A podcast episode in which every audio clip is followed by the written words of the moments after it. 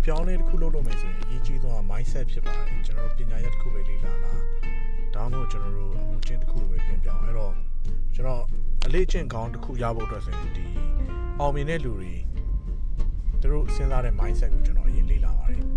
အဲ့တော့လေ့လာတဲ့အချိန်မှာဘာတွေတွေ့ရှိရလဲဆိုရင်ဒီ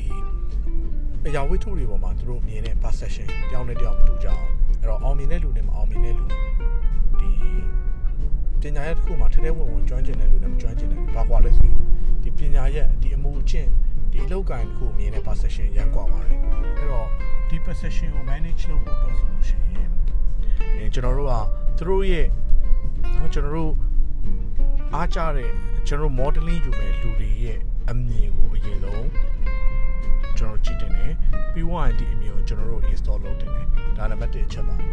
နံပါတ်2အချက်ကကျတော့ဒီ perception ကိုကျွန်တော်တို့မြင်ရပြီဆိုလို့ရှိရင်ကျွန်တော်တို့ key တော့ပြပါပြီ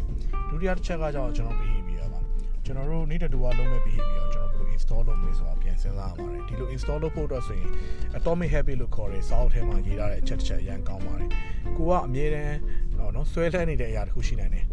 အမြဲတမ်းအမြဲမပြတ်လို့ဖြစ်တဲ့အရာတစ်ခုရှိနိုင်တယ်အဲ့ဒီအရာမလုပ်ခင်မှာအဲ့ဒီကိုတစ်ထည့်ခြင်းတဲ့ habit ကိုအဲ့မှာ install လုပ်လိုက်လို့ရပါတယ်ဥပမာအားဖြင့် ကွာထားပါတော့ကွာစာ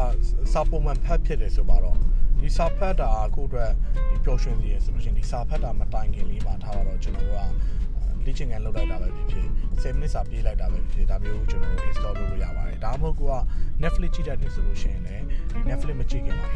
ကိုယ့်ရဲ့အမှုချင်းအတစ်ကို install လုပ်လို့ရပါတယ်ဒါတော့ကျွန်တော်ဒီနေ့စဉ်းစားမိတဲ့အချက်နှစ်ချက်ဖြစ်ပါတယ်အားလုံးအတွက်အတွေးစုံတရားရမယ်လို့ပြောနေပါတယ်အားလုံးကျေးဇူးတင်ပါတယ်မင်္ဂလာရှိတော်နေ့လေးဖြစ်ပါစေ